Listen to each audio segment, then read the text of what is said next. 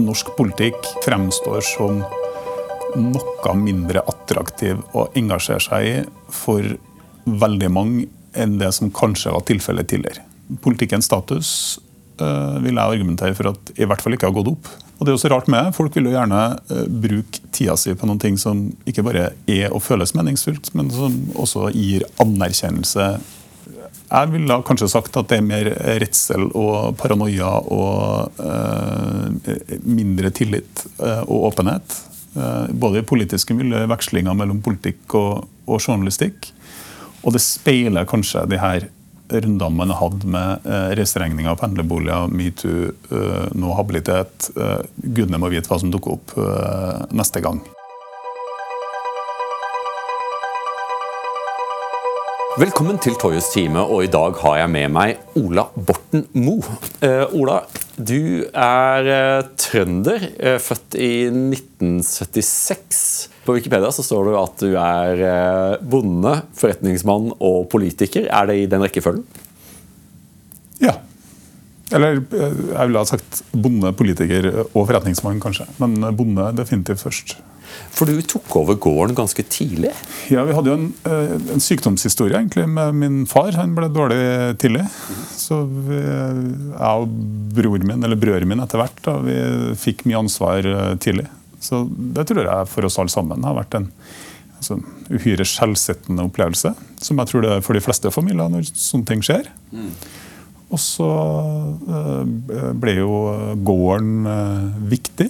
Og det, i dag så driver vi egentlig et litt sånn utradisjonelt familiebruk, så vi driver sammen alle tre. Det gjør det? Ja, vi gjør det. Er du hendig? Ja, Eh, ikke sånn superhendig, men jeg får til eh, ganske mye. Så jeg tilhører vel eh, etter hvert den minoriteten blant den norske befolkninga som fremdeles bytter vinterdekk og sommerdekk sjøl. Det har jeg inntrykk av at de fleste gjør bort. Nå tror ikke jeg det er definisjonen på hver hendeler, men enkelt snekkerarbeid, service ja, Ting som ikke krever datateknologisk eh, kompetanse. Det er håndterbart. Ja, altså, og, du, og, du, ser hva som trengs å gjøres, og så får du det gjort? Ja, nå har jeg blitt litt flinkere på faktisk å få det gjort. da. Men, eh, og Det henger jo sammen med tid, men, men, eh, jeg tror de fleste av oss kanskje i hvert fall til tider føler at det, det, er mye man gjerne skulle ha gjort. Og så er det et spørsmål om tid og om prioritering. De siste månedene har jeg hatt bedre tid, så nå har jeg fått gjort veldig mye. Og veldig mye mer enn jeg ellers ville ha gjort. Savner du gården når du er her i Oslo? Det er der jeg hører hjemme. Eh, og det har alltid vært helt uaktuelt å, å flytte noen sted. Det er der jeg kommer til å bli gammel. Eh, og selv om det er mye bra å si om Oslo, så liksom det å bryte opp fra eh, Trondheim og, og Leinstrand, der jeg bor, og ta med meg familien hit og etablere oss her, det har vært Eh, alltid eh, helt uaktuelt. Mm. Jeg kjenner meg igjen. liksom, så jeg var, eh, Nå var jeg på høstferien ute med unger på Utsira, hvor morsslekta mi kommer fra. Og det å høre til et sted, bare kjenne hvordan, hvordan jeg er annerledes også i, i en kontekst som er min, Eh, det er noe veldig spesielt. altså. Eh, som ofte, jeg tror En del mennesker som lever veldig moderne liv, jeg syns synd på dem at de ikke får oppleve den følelsen av at skuldrene senker seg, og at du hører til jorda, på sett og vis. Jeg tror nok det ligger i de aller fleste av oss likevel. At man hører til et sted i kanskje sterkere eller svakere grad. Hos meg så er den tilhørighetsfølelsen veldig sterk og definert. Og så Eh, tenker jeg at det, det, er jo på ingen måte et, et, motsetningsforhold mellom det og det å ha et uh, hvitt tilsyn, og for så vidt også en hvit tilhørighet. Uh, og jeg mener jo sjøl at jeg føler like sterkt som alle andre at denne byen, altså Oslo, det er også min uh, hovedstad. Dette det, moderne Babylon? Ja, det er, sånn. det, er her det, det er her det skjer. og det hit vi trønderne må dra i ny og ne for å få ting gjort. og sånn er sånn, det. må man forholde. Nå er det, det var en fantastisk segway over på neste tema. for Du er barnebarnet til en norsk statsminister. Per Borten som eh, leda en regjering fra 65 til 1971. Interessant koalisjon. Høyre, Venstre, Kristelig Folkeparti og Senterpartiet. Som jo lenge var den borgerlige koalisjonen. Det var det som var alternativet. Eh, hva var ditt inntrykk av, eh, av, å vokse opp med Jeg går ut fra en, en lokal storhet. Per Borten var jo en mann som, som kasta skygger. Ja, den, Har du vært statsminister i Norge i, i fem og et halvt år, så er det jo i aller høyeste grad en nasjonal eh, figur. Mm. Og en uh, nasjonal eh, høvding, for å bruke et eh, sånt ord. Og innenfor mitt eget parti så er det jo heller ingen som har vært statsminister siden. Mm. Det var siste gang Senterpartiet klarte det foreløpig. Ja, Du husker jo det liksom, hvordan det gikk med Anne Enger da hun lanserte seg som statsministerkandidat i kjølvannet av EU-striden, og hvordan mediene hoppet på henne. Det var en veldig ubehagelig ting, syns jeg faktisk. Men det, men det, der tror jeg er, det er kontekstbasert. ikke sant? Så Noen år etterpå så ble jo Kjell Magne Bondevik eh, fra Kristelig Folkeparti eh, statsminister med den største selvfølgelighet. Så selvsagt kan det skje igjen at Senterpartiet tar statsministeren i, i, i, i, Norge. Men eh, tilbake til spørsmålet ditt. Det, jo, det er jo selvsagt en, hva skal jeg si, en samfunnsinteressert familie jeg kommer fra. Mm. Der uh, politikk, samfunnsutvikling alltid har vært diskutert rundt kjøkkenbordet. Både når jeg var liten, og det har jo fortsatt, fortsatt det, frem til nå, og sikkert også i fortsettelsen. Og nå er det jo ungene mine og brødrene mine og moren min. Altså. Og andre interesserte som måtte finne på å ramle innom. Som, eh, Hvis du ikke hadde blitt født inn i Senterpartiet, er det noen andre partier du ville kunne ja, sett deg sånn, selv i? Det er Eh, kontrafaktisk historiebeskriving, ikke det? ja, det er jo det. Ja, ja. som, jeg vet du ikke liker sånt. Så, ja, det er litt teit, for at man det, det, er jo, det er jo ganske mye, mye de aller fleste av oss tenker jeg kunne med fordel kunne tenkt oss å endre bitte lite grann på. ikke mm. sant? Mm. Både i nær og i fjern fortid. Og så er det jo ikke sånn det er. Men for min del så har eh, altså mitt politiske engasjement starta egentlig med EU-avstemninga i 1994, og så tok det ene det andre med seg. Så jeg har jo sittet veldig mange år i bystyret i Trondheim. Mm. Så kom jeg inn, i, inn, på Stortinget i 2005 og gikk ut derfra i 2013. Inn igjen nå i eh, 2021. Eh, og nå tenker jeg at eh, jeg begynner å ha gjort mitt. Ja, for Vi må snakke litt om, eh, for du gikk jo av den 22. juli i år. 21. 21. juli. Eh, da tar Wikipedia feil. Hva i all verden var det som skjedde? Jeg får bare så, litt sånn kontekst. Folk kommer forhåpentlig til å høre, lytte til denne podkasten i 100 år fremover. Men for de som hører på den akkurat nå, så er vi i en kontekst der eh, Erna Solberg er inne i en lang natts reise mot dag for et saksforhold som om det ikke er det samme, så er det iallfall tilstøtende som hva du opplevde. Og Erna Solberg eh, har, eh, har, kjempet på alle mulige arenaer med påstander om falske tårer og, eh, og, veldig vennlig journalistikk fra enkelte sider og, på hele det greiene der.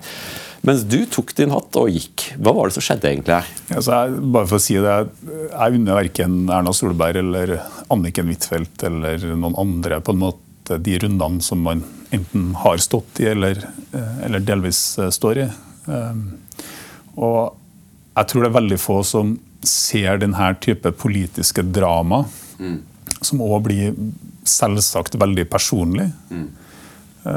og der man i hvert fall fra, fra som personlig altså sett fra min side, ikke sant? Altså det som er ekstremt ubehagelig, det er jo på en måte at når det står på, så føler man jo at hele eh, identiteten din og, karakter, og karakteren din på sett og vis ikke sant? Blir, det er en ære. Det er din ære som er i spill. ikke sant? Det er det som er i spill, og det, det, tror jeg vi kan være ærlige nok å si alle sammen. At at the end of the day så er kanskje det det som er liksom aller, aller viktigst. I hvert fall for alle som ikke er narsissister. Så er det på en måte det å, eh, det å være eh, skikkelig, og det å bli opplevd som skikkelig, og det å ikke gjøre feil, uh, uhyre viktig for oss uh, alle sammen. Ja, for Det er jo det som er så vondt. ikke sant? I min erfaring så er de fleste politikere, helt uavhengig av parti, er hederlige. Er, jeg tror nesten uten unntak i Norge. Ja. Jeg, det er hederlige mennesker som trekkes til politikken i Norge. Lenge leve Norge for det. Eh, og så, så hender det at folk har gjort feil. Eh, det skjer. Eh, men når det blåser opp, så er det jo alltid eh, Så blir det hengende ved et spørsmålstegn ved hederen. Og det kan jeg forstå at er, at det er veldig, veldig vanskelig. Var det, var det derfor du valgte å ikke fighte? For det kunne du gjort. Det var ikke, det, det, du hadde kjøpt noen aksjer, var det i Kongsberg Gruppen? Ja, Kongsberg Yara Sparebank1. Ok, Så du hadde da kjøpt i, i de, et par norske blue chips-selskaper som de aller fleste nordmenn har, eller veldig mange nordmenn har aksjer i. Eh, og det var imot reglene, og det erkjente du? Nei, altså Det som var eh, saken for å være pinlig nøyaktig, ja. det er jo en, en, habilitetsproblematikk som eh, jeg heller ikke var klar over. Jeg tror Det er ingen som, det er i hvert fall veldig få som er eh, bevisst inhabil. Mm. Men i dette tilfellet så var det en, et direktekjøp av ammunisjon fra Nammo, mm. som ligger på Gjøvik, eller Raufoss. Mm. Eh, og så viste det seg jo at eh, eh, Kongsberg har et indirekte eierskap i Nammo via et finsk selskap som heter Patria. Stemmer. og så dukka denne habilitetsproblematikken opp et halvår etterpå. Så det var litt søkt, vil jeg si? Ja, altså, det, man kan jo, altså det var i hvert fall ikke på min radar. Mm. Eh, det kan man jo slå fast, i sant? men på den andre sida kan man jo slå fast det helt åpenbare, nemlig at det er jo mitt ansvar eh, å sørge for at eh, sånne ting er avklart. At man vet det, og at man har den type orden i sysakene. Min inngang var jo som for veldig mange andre, vil jeg tro. altså Plassere overskuddskapital for langsiktig framtidig sparing. og så viser det seg at i dette tilfellet så var valget av Kongsberg-gruppen. Du tok konsekvensene og gikk av. Eh, og det, Jeg vet ikke hvor mange førstesider som kom ut av det. Det var ikke så veldig mange heller. sånn det. Nei, altså, jeg, jeg gjorde meg jo sjøl den kjennelsen at jeg skjerma meg litt uh, etterpå. Så jeg har ikke uh, kjørt noe egenevaluering av på en måte mediedekninga rundt det. Men det var jo for min del altså, flere ting som lå i potten. Det ene var jo uh, posisjon som eh, statsråd. Mm. Det er jo én ting. Eh, så var jeg jo nestleder i, i, i, Senterpartiet, og endelig så er jeg jo stortingsrepresentant. Eh, men for min del så endte jo dette her på en måte opp med en sånn totalvurdering, fordi jeg, jeg tror på en måte at altså sakens kjerne i, i habilitets, min habilitetsutfordring, skråstrek brudd, det er jo ikke av en sånn karakter at jeg ikke kunne ha brukt noen år. Eh, og så eh, komme tilbake, vært her, vært på Stortinget fortsatt mm. I, i, nasjonal politikk. Det mener jeg det kunne jeg fint ha gjort. Mm. Og så kom jeg jo etter hvert for min egen del til den konklusjonen at det her er altså, livet har så mye annet uh, med seg. og Kanskje skal man gi seg mens eh, leken er god. Kanskje er det mye annet man rett og slett kan holde på med, der man kan tilføre, tilføre akkurat like mye. Både i forhold til seg sjøl og i forhold til andre. og Det er jo type valg som jeg tenker at hver enkelt er nødt til å. Det er jo det som plager meg litt, Janne, som borger. for dette, Vi er jo åpenbart ikke fra, fra samme parti, men jeg tenker på fra Norges interesse så syns jeg spørsmålet er har vi så god råd at vi kan la folk som deg forsvinne ut av politikken. fordi det finnes masse flinke politikere, men alle forstår jo at det er ikke alle som er ministeremner. Og det er ikke alle som, eh, som kan ta vanskelige, tunge departementer i prosess og gi retning. Det er, det er, faktisk ikke så lett som folk tror. Det er, det er, faktisk skikkelig skikkelig vanskelig. Så jeg ble veldig lei meg da, eh, da, du gikk av, fordi jeg tror at vi trenger å ha folk som deg på disse postene. Og nå er det ikke til forkleinelse for, det, for, din etterfølger, eller noe sånt, folk skal ikke lese på den. Men man må også ta med vanligvis var det, en, var det med vond vilje å si ok, dette her er eh, gult kort, men det, vi har ikke noe gult kort. da. Det er rødt kort med en gang. Med mindre du er villig til å gå igjennom da, den der emosjonelle gråteturen. Ja, altså, jeg, jeg, tror ikke jeg skal gå inn i det på det viset, men kanskje ta et skritt tilbake. for jeg, altså, Selvsagt er det ikke sånn at norsk politikk står og faller på på meg. Ikke i det hele tatt. Altså, eh, den kommer til å være eh, om lag like mangslungen og, eh, og, reflektert som før, med eller uten min deltakelse. Nå skal jeg for øvrig være med i to år til som stortingsrepresentant. Men jeg tror at på, altså på mer generell basis så tror jeg kanskje at norsk politikk fremstår som noe mindre attraktiv å engasjere seg i for veldig mange enn det som kanskje var tilfellet tidligere. Og det tror jeg henger sammen med en kombinasjon av status. Altså, politikkens status øh, vil jeg argumentere for at i hvert fall ikke har gått opp øh, de siste årene. Og det er også rart med, Folk vil jo gjerne uh, bruke tida si på noen ting som ikke bare er og føles meningsfullt, men som også gir anerkjennelse i, i, i, samfunnet for øvrig. Og an, Den andre refleksjonen jeg har gjort meg etter, og det er egentlig litt sånn bredere etter alt det norsk politikk har vært gjennom de siste fem, seks, sju årene. Jeg syns det var veldig annerledes å komme tilbake til Oslo nå. Altså Jeg var jo her sist i 2013, mm. kom tilbake i 2021, åtte år imellom. Mm. Veldig annerledes eh, Hva skal jeg si Følelse og kultur. Mm. Mye av eh, jeg ville kanskje sagt at det er mer redsel og paranoia og uh, mindre tillit og åpenhet. Både i politiske miljø, vekslinger mellom politikk og, og, journalistikk. Og det speiler kanskje de her rundene man har hatt med uh, reiseregninger, pendlerboliger, metoo, uh, nå habilitet. Uh, Gudene må vite hva som dukker opp neste gang. Mm. Ikke sant? For det er jo en, det er jo en evinnelig jakt på at noen har gjort en eller annen feil. Mm. Og Finner man den eh, feilen, eller klarer å godtgjøre at det er ikke usannsynlig at det vedkommende har, har, har gjort denne feilen, og i politikken og ordskiftet så, så, så, gjelder jo på en måte eh, regelen om at man er skyldig inntil det motsatte er bevist. Ja, altså Mange anklager, men bare én straff. ikke sant? Du må gå av. Eh, ja, men du trenger ikke å ha gjort noe galt heller. Nei. Eh, så, eh, og i, i kombinasjon med, med et sånn økende renhetskrav. Da. Mm. Eh, jeg satt nå forrige uke og hørte på stortingspresidentens tale i forbindelse med åpninga av, av, Stortinget. Mm. Og eh, jeg er ikke enig med han i at uh, stortingsrepresentanter altså Jeg opplever han veldig sånn at de som sitter på Stortinget, de er nødt til å være helt feilfrie uh, for å kunne påta seg den æren det er og privilegiet det er å representere det norske folk. Vel, eh, altså, Vi som sitter på Stortinget, eh, de som sitter i regjering, alle som tar en del i det her eh, store mas politiske maskineriet, mm. som de demokratiet vårt er, det er folk som alle andre.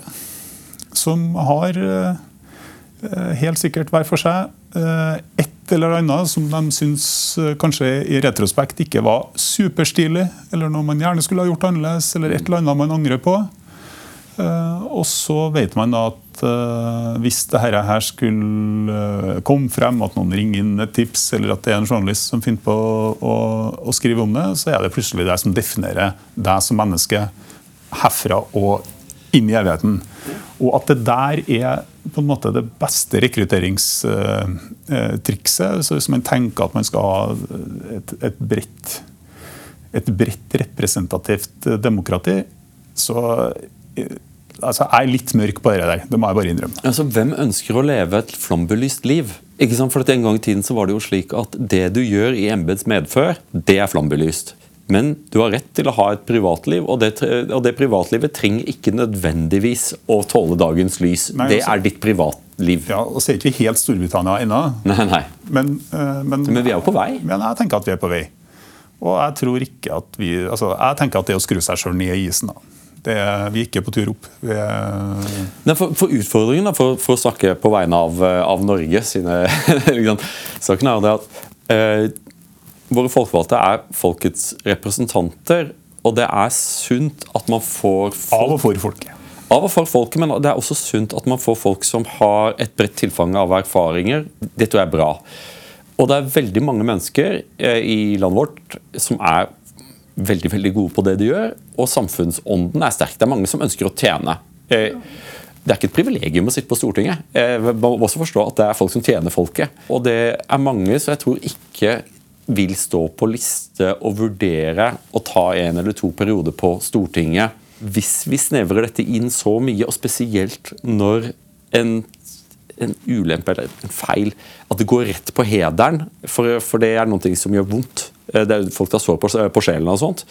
Eh, jeg tror at man skaper en sånn avskrekkende effekt hvis bevisbyrden blir så lav og straffen blir så vilkårlig og drakonisk, så tror jeg at det får en avskrekkende effekt. Jeg gir deg etter. Jo, det var egentlig poenget mitt. Eh, du har jo flere vekttall enn meg, så du var flinkere til å formulere det. Men jeg tror eh, at det er på en måte min Det er sånn som jeg vurderer uh, utviklinga også selv. Jeg tror det er akkurat den retningen vi er på vei i, med mindre på en måte noe annet skulle skje. Så tenkte jeg skulle føye til at altså På engelsk, og kanskje spesielt i amerikansk politikk, jeg vet ikke om det er sånn lenger nå, men de hadde jo en, en veldig sånn, i hvert fall tidligere, en veldig sånn sterk identitet rundt det her med som man kalte public service. Altså, det var kongressrepresentant eller senator, så tok det en periode eller to. og Så var i Washington og flytta tilbake til, til hjemstaten din, og så hadde du på en måte gjort det. Uh, og et rikt tilfang av kompetanse og, erfaringsbakgrunner ellers det tror jeg åpenbart har tjent det amerikanske samfunnet vel. Det er det veldig lite snakk om i, det er jeg enig med. Det er det lite snakk om i Norge. fordi at vi er så flinke til å snakke om det sa det for så vidt selv også, Det er et privilegium. ikke sant? Mm. Men skal du ha et komplett tilfang av folk, så må du òg se på det som rett og slett public service. Altså, service, altså en slags eh, dugnad. Det er jo ikke alle som går opp i lønn. Det er, ikke, eh, det er heller ikke sånn at hvis du er 40 eller 50 eller 60 år, så er det stor stas å få lov til å flytte på hybel i Oslo. Langt vekk fra familie og sosialt nettverk. Det er i hele tatt ganske mange som hva skal jeg si, ofrer ganske mye for å kunne ta den her. da. Mm. Og Det er interessant at du skal si det, liksom, for det er en av tingene som jeg synes er eh, underkommunisert med den britiske opplevelsen kontra ganske mange andre land, er at britene klarte å få den følelsen i blant elitene sine. Altså at folk som eh, kunne levd veldig bekvemme og veldig rike liv utenfor politikken, valgte å tjene. Eh, og det var en stund en forståelse av at eh, Kanskje Winston Churchill drakk. Kanskje, kanskje, kanskje, Winston Churchill Og det gjorde han jo. Ja, tett. Og, og, og, kanskje Winston, og, kanskje Winston, Churchill kunne være riktig ufin eh, med, med, mennesker, spesielt når, når, han hadde drukket. Kanskje hans økonomiske disposisjoner var problematiske. Han var alltid blakk. Eh, men så var det en forståelse av at han tilførte noen ting eh, som de gjerne ville ha. Og det viste seg jo at eh, på et tidspunkt i historien så var det bare han. Det var han som kunne gjøre dette. Og det var det går tilbake, runder tilbake til Nå sammenligner jeg ikke med Winston Churchill, vi er begge to vi, vet, vi er begge to familiære med Churchill.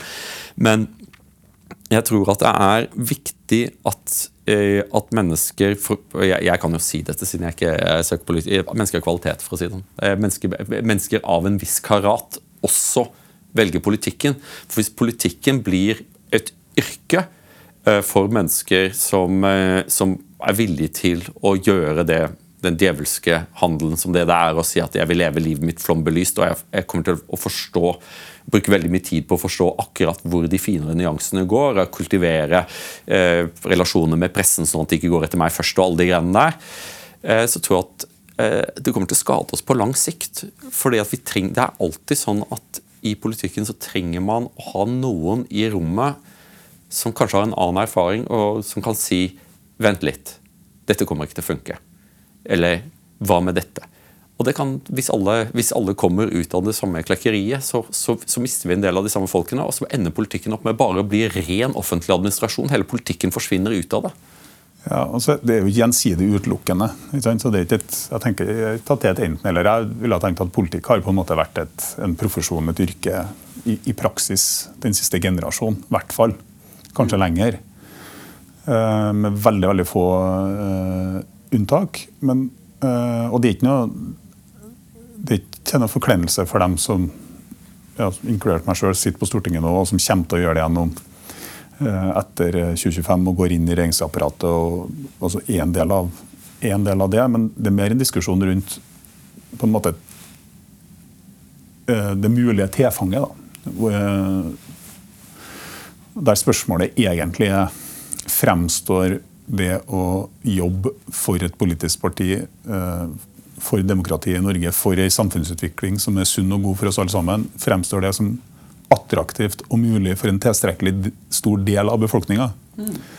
Og uh, der tror jeg kanskje at vi er i ferd med å ha en slags sånn målforskyvning. Der vi jakten på det rene, det perfekte, det, det, det helt utesmussa, så går vi glipp som samfunn eh, kanskje av både kvaliteter og kapasiteter som vi ellers har hatt eh, veldig godt av.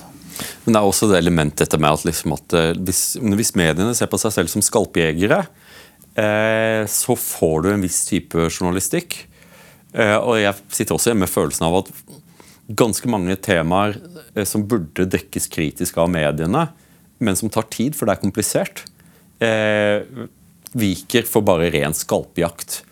Og det, det, Jeg tror ikke at det heller er veldig sunt. Men så, så Du nevnte at eh, jeg har flere vekttall enn det. Det er godt mulig, men vi har faktisk samme utdanningsbakgrunn. Du har studert historie, statsvitenskap. Men du er bredere enn meg, for du har, har vel også noe agronomi? Har du det? Ja, jeg, har, jeg er agronom. Du er agronom av hvordan var det å være eh, Den ministerposten din skifter tittel så ofte at jeg husker ikke hva den siste er. Er du utdannings- og forskningsminister? Nei, det er statsråd for eh, forskning og høyere utdanning. Og høyere utdanning. Hvordan var det å tre inn i det, uh, i det virket? For det, jeg, det, bare for å spille med åpne kort, det jeg vil spørre deg om, det jeg gjerne skal prate om, er leverer høyere utdanning godt nok i forhold til samfunnets og økonomiens krav? Altså, jeg, jeg, tror at når jeg kom inn i den posten for to år siden, ja. uh, så um, var både fordelen og ulempa mi, avhengig av hvordan du ser det, uh, det var jo at jeg helt åpenbart betrakta sektoren utenifra. Mm. Ikke sant? Uh, og det tror jeg på den ene sida var en veldig fordel og veldig sunt for sektoren. Mm. og på den andre sida så avstedkom det jo ja, både mye kritikk og frustrasjon internt eh, i sektoren, som jeg tror alle som har liksom fulgt sektoren de siste par årene, har kunnet lest og skrevet sikkert side opp og side ned om. Ja, for det er jo sånn at i, i høyere utdanning så er det jo slik at for akademikere synes ofte å mene at at det er en slags gudgiven rett til at, eh, at, de skal ta samfunnets penger og bruke dem på hva enn de vil. Jo, men Sånn er det med oss, med oss alle sammen, da, uavhengig av hvor vi sitter hen. Eh, tror jeg at man, eh, man altså, er, man skal bli sett og man skal ha anerkjennelse for det man uh, gjør. Og, og, selvsagt mener de fleste av oss, uansett hva vi driver på med, at det er vi som, vi som vet på en måte best hvor skoene uh, trykker. Og, og mange ganger så er jo det også sant. Men tar du det overordna prosjektet som jeg har prøvd å, å få gjennom de par siste årene, og som jeg syns vi har kommet et godt stykke på vei med, eh, så handler jo det om mer institusjonell autonomi. Altså, universitetene våre bør bestemme mer sjøl. Det betyr mindre byråkrati, administrasjonskostnader, ordninger på statens hånd. Eh, enten det nå er departementet selv eller uh, ulike direktorat. Ikke sant? Mindre søknader, og evalueringer, eh, mer eh, grunnfinansiering og, mer ansvar. Mm. Med det så kommer det mer eh, ansvar. Og så står jo samfunnet vårt i grunnleggende demografiske endringer. ikke sant? som jeg også kanskje håper vi får tid til å snakke litt mer om. Men vi blir eldre, og vi kommer til å ha behov for en annen kompetansemiks fremover enn det vi har hatt så langt. Mm. Og da er det jo noe med at man må starte tidlig for å sikre seg at det er vi faktisk i stand til å tilby vår egen befolkning over tid. Ja, for Det tar tid å, tar tid å, få, å, få, å, få, linjene i gang og få utdannet folk. og uh, Bygge opp kompetanse. Det er, det er, ikke noe som kan gjøres på ett år eller to år. Nei. Dette er jo tiårsperspektiver. ikke sant? Og så er du nødt til å nå altså, det, det, har, det, har, jo egentlig, det har vært, Mitt resonnement har vært altså, Det er helt umulig å se for seg den norske nasjonsbygginga de siste 200 årene, drøye 200 årene uten at du tar med deg den parallelliteten som har ligget i bygginga av utdannings- og delvis forskningsinstitusjonene våre over hele Norge. Mm. Så starta jo altså, første universitetet, Universitetet i Oslo i 1811. Eh, og så, altså man, hadde jo, man hadde jo utdanning på Kongsberg eh, før det. Men, Bergverk. Bergverkslinja. Mm. Men det er klart uten at vi som nasjon har investert så tungt i, i utdanning som vi har gjort, og tilgjengeliggjøring, så ville det norske samfunnet sett helt annerledes ut. Og her, her, har man jo gjennomført store løft. ikke sant? Ja, På olje, på oppdrett. Ja, men også geografisk. ikke sant? Så eh, Det siste breddeuniversitetet vårt det var jo etablering av universitetet i Tromsø 1968. Mm. Det røde universitetet i Tromsø. Der, der, der starta det jo Etablert av Per Borten. Og Ja, og der, det var jo en av de første som reiste Jeg må bare nevne det. En av de første som reiste opp der, det var Geir Lundestad, som vi begravde i går. Eh, og jeg vil, bare, jeg vil bare si det. At jeg Geir Lundestad eh, var en av de som bygde opp dette universitetet, og som viser styrken ved eh, vår universitetsmodell, der et lite universitet, et nytt universitet, frembringer eh, Norges største internasjonale historiker gjennom alle tider. Det er ingen tvil. Eh, Geir Lundestad er en egen, en egen kategori når det gjelder det å forske på internasjonal historie og bli respektert globalt. Jeg ville bare si det, for han var jo min mentor. Så. Og jeg er enig, og øh, for spesielt interesserte så er det jo sånn at Ville Haugli, som senere ble mest kjent som politimester i Oslo, han var jo i mange år universitetsdirektør. Helt fra starten av. Willy Haugli, som, ble spurt hvorfor, eh, hvor, hvor- hvorfor, eh, hvorfor han sendte hundene inn på Stortorget. Det var, det var ikke plass til hest. Det var ikke plass til hestene! Det var så morsomt for det Geir Lundestad og Willy Haugli for de, var jo- de var jo nordlendinger i byen. Begge, begge, de kom til Oslo samtidig. Så selv om eh, Geir Lundestad jo endte opp på Nobelinstituttet og Willy Haugli ble politidirektør, de, var, de, de hang jo sammen som erteris. Eh, for det er jo noe spesielt med sambygdinger. ikke sant? Han, og Geir til det siste, så når han hørte noen snakke, snakke på på Bodø-dialekt, så ropte han 'Hører jeg stammens røst'? Men ikke sant, det som det mangla jo ikke på spit og, øh, og undergangsprofetier når man etablerte Universitetet i Tromsø. Eh, ikke sant? Og det er jo et faktum at Universitetet i Tromsø fikk medisinsk fakultet før Trondheim. Du kan jo tenke deg hvordan det føltes for den trønderske folkesjela på eh, sen 60-, tidlig, tidlig 70-tall. Og så ble det jo samlokalisert. Det er så utrolig viktig at, liksom at, med, at med, det, med det medisinske fakultet at det er liksom med korridor over til Ryte, til, til, til universitetssykehuset. Ting som skaper et fagmiljø som pulserer. ikke sant? Fantastisk bra. men altså, Det er jo ikke at man ikke har utfordringer i Nord-Norge nå, med hverken det ene eller andre, men jeg tror historien om Nord-Norge, den moderne historien om Nord-Norge, vår nordligste landsdel, har vært helt annerledes uten Universitetet eh, i Tromsø. Du fikk et nasjonalt kompetansemiljø, delvis internasjonalt kompetansemiljø, av og for og med i Tromsø. Det er framtidsretta, god politikk. Og det vi i Norge er nødt til å klare å gjøre fremover nå, det er jo, ikke, det er jo selvsagt ikke å etablere flere universitet. Det, vi har nok geografiske lokasjoner, nok organisasjoner. Men, Kanskje til og med for mange. men det vi ja, kanskje, men det vi trenger, det er jo et system som klarer å nå flere og nå nye grupper. Rett og slett fordi at en del av ligninga inn i framtida er at vi klarer å utnytte egen befolkning enda bedre enn i dag. En mindre andel av oss kommer til å være i arbeidsdyktig alder. Enten skal man da utføre velferdsoppgaver, jobbe i offentlig sektor, eller så skal man jobbe i en høyproduktiv privat sektor for å generere inntekter og, og verdiskaping. Og da trenger du å nå enda flere eh, med eh, kompetanse, relevant utdanning, tilgjengelighet. Ja, ja og nei, da. For liksom, hør, på, hør på dette her. Ikke sant? I 2004 så konkluderte OECD. Blant de 15 landene med sammenlignbare data er det bare tre som så en nedgang av inntjeningsfordelene av opplæring over videregående opplæring. Eh, og dette er da i kontekst av at, eh, at Norge eh, er i den celebre kategorien der i aldersgruppen 25 til 34 år har over halvparten nå høyere utdannelse. Og det er da Norge, New Zealand og Spania der du ser en avtagende avkastning på utdanning. Og det, dette, dette passer jo inn med noe som jeg diskuterte med David Goodhart, den britiske journalisten og forfatteren. der han, han, han sa noe i et intervju som er Hvor lenge tror du at en mastergrad i pedagogikk automatisk vil gi langt høyere lønn enn jobber som faktisk trengs å gjøres? Si som taklegger eller som hjelpepleier. Og det Nei, men det, var å, det her var jo ikke for å ekskludere altså i mitt resonnement i hvert fall, det var ikke for å ekskludere verken taktekkeren eller snekkeren eller hjelpepleieren. Men trenger fag- de universitetsutdannelse? Nei, nei, og det argumenterte jeg heller ikke for. Nei. Men de trenger kompetanse. Ja, det gjør de.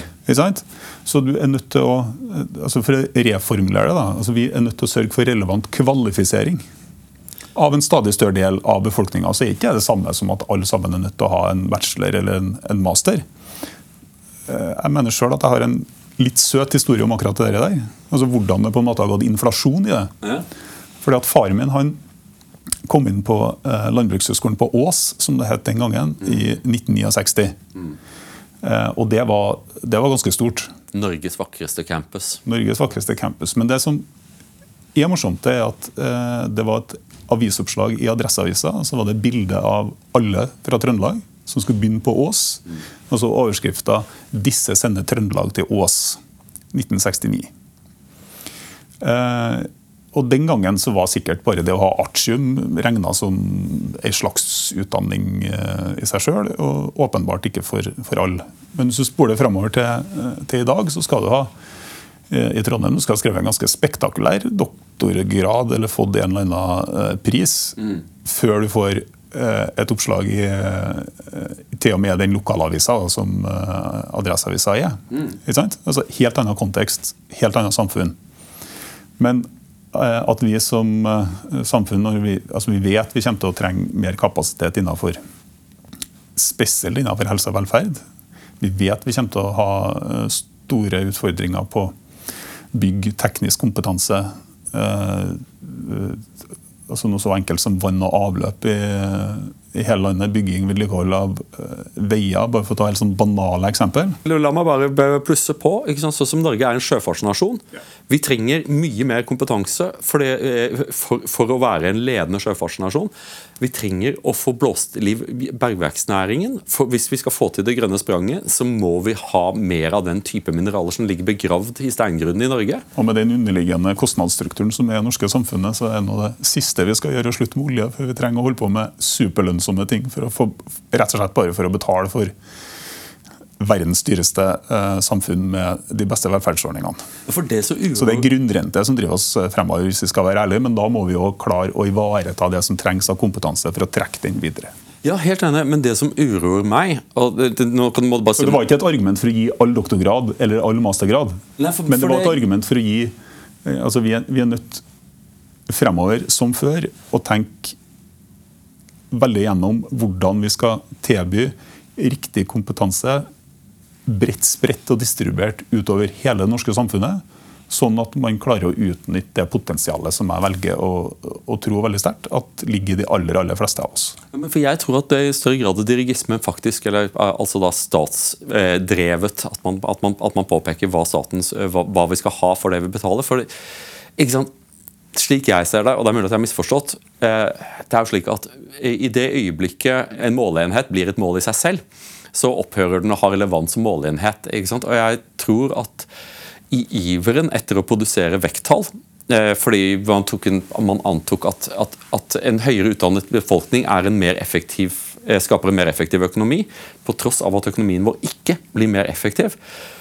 Og Utfordringen slik jeg ser det, er at vi har en veldig stor statssektor i Norge som ganske systematisk Kan jo henge sammen, de to tingene der, bare for å hive en brannfakkel inn i ordskiftet. Ja, ikke sant? Men også at vi har da en statssektor som ganske systematisk ansetter folk med utdanningskvalifikasjoner som staten ikke trenger. Eh, altså din doktorgrad i, i, i hva det nå, nå enn måtte være. Eh, eh, at du, du har doktorgrad i influen, fra influenserlinja. Eh, du får betalt for den doktorgraden hvis du jobber i staten, ikke noen andre steder. ikke sant?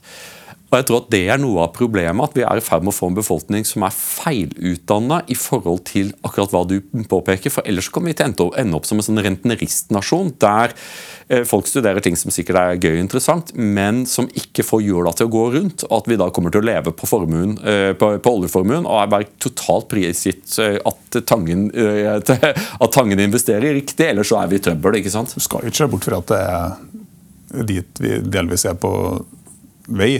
Det er jo der vi er på vei. Takk.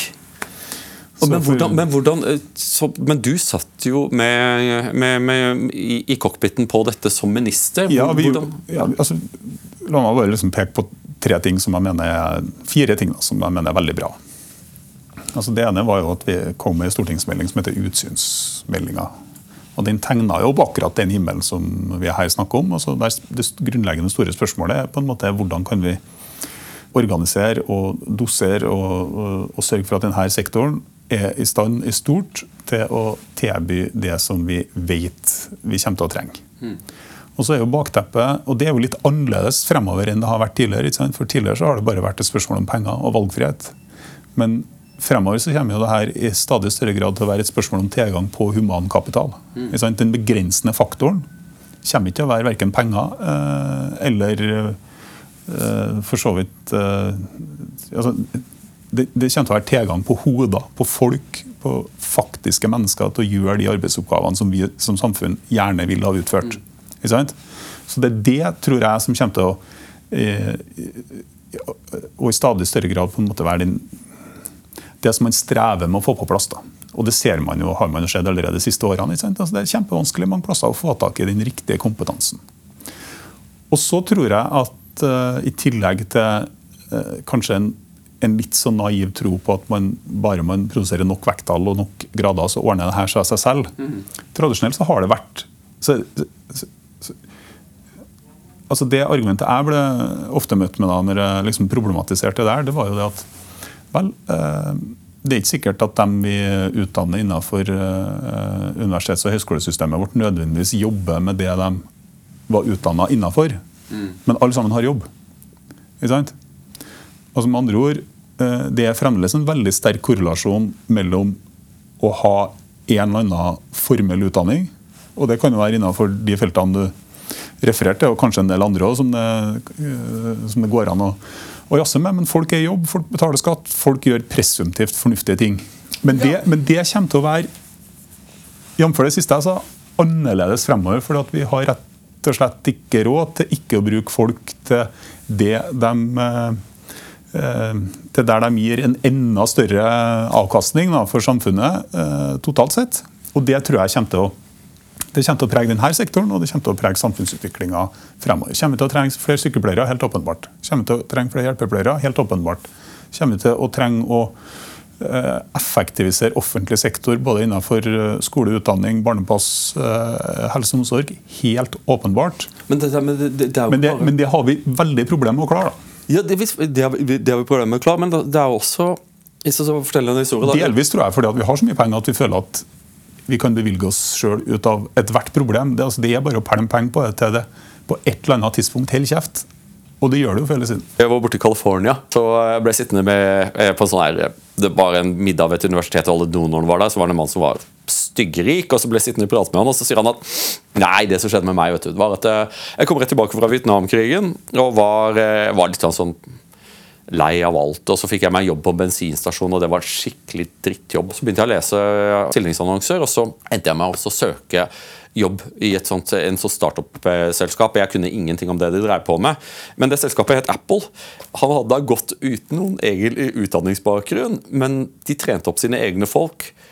Og Man må også huske den biten der at eh, næringslivet eh, bør også oppmuntres til det som sveitserne er kjempegode på, altså lærlinggreiene. Altså, jeg tror også Næringslivet må oppdras til å forstå at dere kan ikke sitte og vente på at staten skal skape akkurat den type folk som det dere trenger. Eh, må, jeg tror vi måtte også åpne opp, i, opp, åpne opp, de veiene igjen. Lærlingen. altså, For han fyren han var sånn Jeg kan ikke noe om statsvitenskap, kan ingenting om historie. kan ingenting. Men akkurat det vi driver på med Apple, det kan jeg. For jeg var med fra dag én. Lærlingsystemet vårt mener jeg funker brukbart. Men er det mange nok? Kultur for det. Og så eh, har det jo vært en bevisst politikk hele denne perioden fra sittende regjering på å utvide kapasiteten innenfor fagskolesystemet. som egentlig da er på en måte, Det er jo den muligheten man har med fagutdanning til å kunne gå videre. Mm. Det tror jeg er uhyre fornuftig, matnyttig og ligger også veldig veldig tett på næringslivet eh, sine behov. Mm. Eh, forenklinger i finansieringssystemet for eh, høyere utdanning tror jeg er et viktig bidrag i samme retning. Og, og, og, så tror jeg at vi er nødt til å gjøre mer innenfor etter- og videreutdanning. Og som en slags sånn altså Hvis du ser på uh, uførestatistikken i Norge, så er den mye trist. Og det kan jo være at det er mange som istedenfor å havne uh, utafor, rett og slett kunne ha vært omskolert, reskolert, uh, tatt tak i bruke de siste 15 eller 20 årene på noe helt annet enn det som åpenbart ikke funker i forhold, i forhold til egen helse. Men da må du ha, liksom, du må ha noe system og noe tenking og en tilrettelegging rundt det. Og det må være både status og penger for utdanningssektoren for å tilby det. Og der opplever ikke jeg at, eh, at vi på en måte har vært. For da snakker du om kveld, eh, du snakker om helg, du snakker om at du kanskje ikke har et auditorium med 200 stykker, men du har et auditorium med, eh, med 15 stykker. Altså, det er en annen måte å tenke og organisere på. Kanskje kan du gjøre det på nett. altså jeg vet ikke. Altså, det, det, må man jo finne ut selv. Og så må, må, vi må gjenreise det, liksom, den verdigheten som ligger i å tjene til sitt eget brød. Det er ingen skam å sitte i kassa. Takk for at du sitter i kassa. Det er, det er, det er en viktig Selv, Selvsagt ikke. Det, jeg tror at også det sånn som noen syns er noe flott f.eks. i et land som Japan så ser du at folk eh, som eh, er på slutten av har du, tungt, har du hatt et tungt fysisk arbeid, og kroppen sier at det her makter ikke jeg å stå i når du er 53 år, mm. så er jo i Norge veien ganske kort til at du rett og slett blir eh, uføretrygda. Det er i hvert fall eh, min opplevelse. Men ja. ærlig talt, det er fremdeles 15 år igjen. Kanskje kan man gjøre noe annet som ikke belaster kroppen så tungt, men som gjør at du bidrar både til fordel for deg sjøl og samfunnet rundt. Det er jo vinn-vinn. Ja, altså Man har gjort en del i, i, forhold til også det med å gjøre det mulig å kunne stå lenger i arbeidslivet ja. uten, å, uten ta på Men jeg holdt på å ramle av stolen, stolen der. Det var det Brenna fra Ap som var på Politisk kvarter og snakker, og snakker om at uh, vi må representere de som faktisk arbeider, ikke bare snakke om rettighetene til de folka som ikke gjør det. Det er lenge siden jeg har hørt Arbeiderpartiet si noe sånt, så det virker som at uh, det du sier her, er ikke, er ikke helt fremmed tankegods i sittende regjering? Nei, det, nei, det vil jeg definitivt ikke si. Og det er jo det er jo egentlig mitt grunnresonnement at det her, det her kommer til å være den største utfordringa for det norske samfunnet eh, fremover. Det er jo hvordan vi klarer å hindre eh, at stadig flere havner utafor og på trygd. Mm. Og, og, statistikken er jo, er jo ikke bra. Ikke sant? Og, det har egentlig bare blitt verre. Hvis du ser på hvor mange det er under 30 som nå er varig uføretrygda, Altså, det var jo, Folketrygda kom jo også inn i Per Borten. Eh, med Vårvik som sosialminister. De første årene så gikk jo folketrygda med enorme overskudd. og Det er derfor vi har Folketrygdfondet. Mm. For at eh, det var så få som eh, Det var relativt sett færre som gikk på trygd enn, dem som jobba. Nå er jo de automatiske økningene i folketrygda i inneværende år, eller for neste års statsbudsjett alene 60 milliarder kroner. 60 milliarder.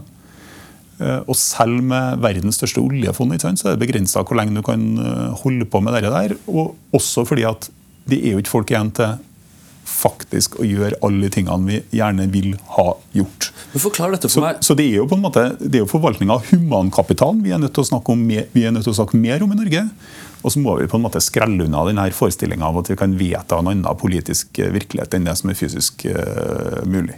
Men, men, det jeg forstår er at slik du fremstiller det, så tror jeg at dette er et perspektiv som de aller fleste i landet vil forstå, og til og med også øh, finne, på, kunne, eh, finne, på, å stemme på også. Eh, for jeg tror at den trenden som, som, du, som du hintet til, og som jeg tror du har rett i, at, at vi er i ferd med å bli en slags rentneristnasjon som lever på en svær pengesekk som ble tjent på, på olja, det forstår folk på et eller annet plan at ikke vil være bærekraftig på lang sikt. Eh, vi må fortsette å arbeide, vi må fortsette å konkurrere. Vi er veldig heldige som at vi har en turbocharger i, i, oljefondet, men det må brukes til å skape nye næringsveier, bygge kompetanse og den type ting. Hvorfor endte vi opp i den der, Det er en periode som vi er på vei ut av, men det var en periode at det var en sånn voldsom stakkarsliggjøring, og det å bli trygda ble fremstilt som en, som en slags rettighet, noe saligbringende.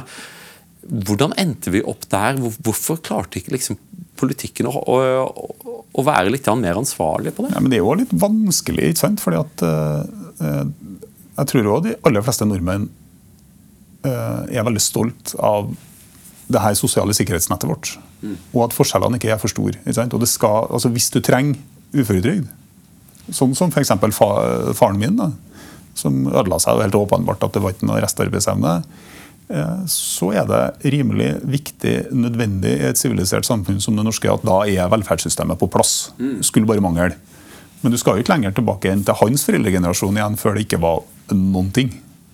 Jeg tror, jeg tror blindetrygd i Norge kom i, rett før krigen. Sånn 37, 36, 33 eller noe sånt. Mm.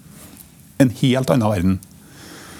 Eh, så, så det som egentlig holder oss sammen og opp, det er jo den her forestillinga om at alle sammen gjør sitt beste og ønsker å bidra. ikke sant? Altså jeg det da på en måte den her, den her tillitsbjelken som ligger i som vi håper da, at ligger i bånn i det norske samfunnet. Altså, Protestantisk etikk, vet du. jo, jo, men grunnen til at du betaler skatt, det er jo fordi at du i hvert fall tror eller betaler skatt med, med glede, det er jo fordi at du tror at naboen, selv om han er kanskje uføretrygda, faktisk gjør så godt han kan. Ja, ja. Ja. Og hvis du mister den, så blir ikke det like festlig. Da, er- vi på tur inn i et eh, helt annet samfunn. Ja, for dette Utfordringen er jo liksom at, at, at skattebetaling for de som ikke jobber i offentlig sektor, det er jo et ganske tungt element av, av, av tillit der. At du betaler det du skal, at du ikke, at du ikke snyter. Ja, Staten stikker av med halvparten av det du tjener. Ja, ikke sant? Eh, som jeg syns er altfor mye, men eh, vi skal ikke ta den debatten. Dette er en sånn greie som jeg bare ikke forstår. og det er at i februar 2020 forsterket Norge klimamålet fra minst 40% til minst 50 opp mot 55% kutt fra 1990 til 2030. Så det virker som at det har vært en voldsom sånn overbudspolitikk. Og er, ser du at en del folk ikke kan forstå hvordan vi driver med olje når vi skal være miljøforegangslandet for. Ja, nå skjønte ikke jeg spørsmålet. Du må ta det Nei, nei, det er bare Nei, jeg, tull, jeg tulla bare med Ja. Selv, Selvsagt skjønte jeg spørsmålet. Altså, det har jeg sagt før, og det mener jeg fremdeles. Eh, punkt én, det er jo bred enighet og innenfor togradersmålet. ikke sant? Hvis du ser på IA sine tall og alle produksjoner fremover, det kommer til å være eh, et stort behov i verden for fossile energikilder ennå. Altså, det er en sånn forenkling i norske eh, ordskiftet om at nei, det, det har ikke vi bruk for lenger. Jo, selvsagt har vi bruk for det. Og norsk sokkel delvis drevet frem regulatorisk. Altså, vi er jo en av få steder i, landet, nei, i verden der man ikke fakler gassen. Det, er jo, det vedtok jo Stortinget bare på 70-tallet. Det skal ikke vi holde på med i Norge. Nei, nei. Og Dermed så fikk vi det her eh, fantastiske gassledningssystemet, som er verdens største, Og som redder Europa i den siste krisen vi er i nå. og som redder Europa. Men enden av dette res- resonnementet eh, det er jo at den siste dråpen med olje som produseres på denne planeten, bør jo etter mitt skjønn produseres i Norge. Fordi at vi er best på det. Vi gjør det renest. Vi gjør det med minst fotavtrykk. Enten det er til utslipp til ytre miljø, eller det er klimagassutslipp. Og Brent-cruden fra, fra, fra Norge er noe av den reneste oljen det er vel, Vi er, vel, vi er, vi er topp tre av den reneste olja i verden. Og hvis vi i tillegg da både kan sikre eh, kall det da, demokratisk kontroll over eh, en av verdens aller viktigste naturressurser altså Alternativet er jo Russland, Saudi-Arabia, Venezuela. altså Land som det er lov å si at de har sine utfordringer på en lang rekke områder. Uten å, Ja, du er jo utenriksminister, så kan du kan få lov til å si det. ja, uten å trekke det eh, for langt. Og vi, vi vet jo hva de bruker pengene på. Ja, Det er å undertrykke sine egne folk. Er det noe problem med det òg, da? Ja, og finansiere en del andre ting som vi tenker at ikke er sånn supersympatisk. Ja. Og nå har jo Europa de to siste årene fått en slags eh, et krasjkurs i eh, hva det faktisk betyr når du gjør deg avhengig av import fra én kilde, eh, fra ett land, eh, Russland. Og det har gjort at energimarkedene eh, altså, Det er jo ingen med vett og forstand som investerer i kraftkrevende industri og verdiskaping på det europeiske kontinent, rett og slett for at prisene er veldig mye høyere her enn alle andre steder i verden. Så og når vi i tillegg kan tjene massevis av penger på det, som vi kan bruke til fantastiske ting i vårt eget land, altså, så er det etter mitt skjønn altså, det er logisk, politisk og delvis ideologisk kortslutning å argumentere for at vi ikke skal holde på med olje og gass. Men, men, men for å være enda mer spesifikk, vi, har de, de, vi har de feltene som vi har. Vi har vært heldige øh, over vi er forbanna dyktige. Det, la det være Og klart. at- forhåpentligvis finner vi nye. Det vet vi ingenting Ja, for du, du mener at øh, du, du er tilhenger av øh, at, at vi skal fortsette å lete etter olje, og vi skal fortsette å utvikle olje. Det er ikke, det er ikke sånn at vi skal bare stoppe der vi er Selvsagt. Og nå. nå kan det jo hende at vi finner et nytt eventyr i, i det her havbunnsmineralene. Det må være fantastisk. Det er så fantastisk, det er så spennende. Men dette er jo en sånn fremtidsnæring der vi er helt i startgropa.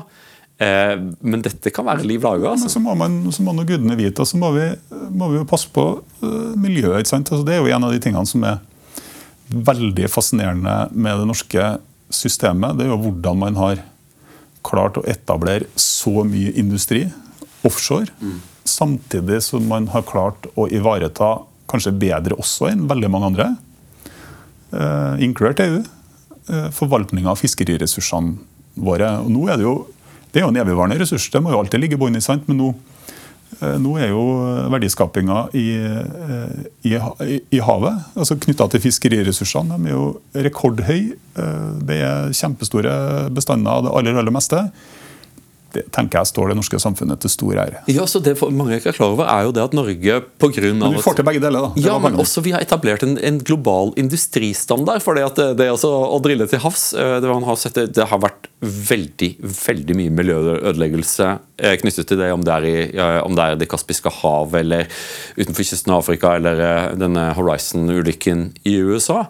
Mens du ser da hvordan norsk praksis forplanter seg rundt pga. at vi har investert i det og vi klarer å gjøre det på en renhårig måte. Og det er den måten som det må gjøres på. Og det er også en gave til verden, faktisk. Det å, å vise hvordan det går an å tjene penger og gjøre det uten å ødelegge miljøet. Og det er noe som jeg tror også i forhold til mineralet mineraler på, på havbunnen. Om igjen og Det er det mest fascinerende her. Altså, vi satt jo i, i sted og sa det at uh, når staten stikker av med halvparten av alle pengene de tjener, så sier du at det syns du er litt i overkant? Jeg er frilanser, så jeg syns, at, eh, jeg syns at, det, at, at, det, er litt i overkant. Jeg betaler min skatt, men, men gleden er sånn. Jo, jo, men uh, hvis, du, hvis, du, driver oljeselskap mm. og ser på hele norsk sokkel samla sett, og så tar du først 78% skatt, og så tar du det direkte eierskapet som staten har. Altså det største oljeselskapet i Norge heter Petoro. Og det er, eh, det er staten eier 100 mm. Og så har, eier staten i tillegg eh, 68 vel, i Equinor. Mm. Så har du det som man kan kalle government take. Da, altså Hvor mye tar staten av den totale verdiskapinga på sokkelen? Mm. Eh, sist jeg så det tallet, så var det 92 av 100 kroner. Altså en effektiv skatteprosent på 92 mm. Og enda så får du eh, eh kapital til reinvestering av utvikling det er jo, en, det er jo også en, en fantastisk eh, både forvaltningshistorie og økonomisk historie. Det er også et, et litt sånn viktig politisk poeng eh, som, som, jeg er opptatt av. er liksom, Noe av grunnen til at det funker, er fordi vi er forutsigbare. Av og til så er det sånn at folk får en god idé, og så tenker de at allting skal endres på. og Norges suksess i verden, dette gjelder utenrikspolitisk, også økonomisk, er det at, at forutsigbarhet. Vi holder oss til inngåtte avtaler. Det bør ikke endres en millimeter. og Det er uforsvarlig å holde på med. for Da plutselig får du denne politiske risikoen som ødelegger hele investeringsmiljøet. Og som har ødelagt hele investeringsklimaet på britisk sokkel pga. at det å, å, investere eh, det kan når som helst eh, bli ofret på det grønne alter. Og derfor så, eh, Det er store investeringer, og Derfor så er det lite interessant for en del av de store aktørene. Ja, korrekt. Så uh, bright ideas på rammevilkårene for å gjøre det verre på norsk sokkel, det bør vi holde oss langt unna som samfunn. Og på det gullkornet så avslutter vi Torjus time. Vi har snakket nå i 60 minutter. Ola Borten Moe, det har vært en glede å ha deg her. Ja.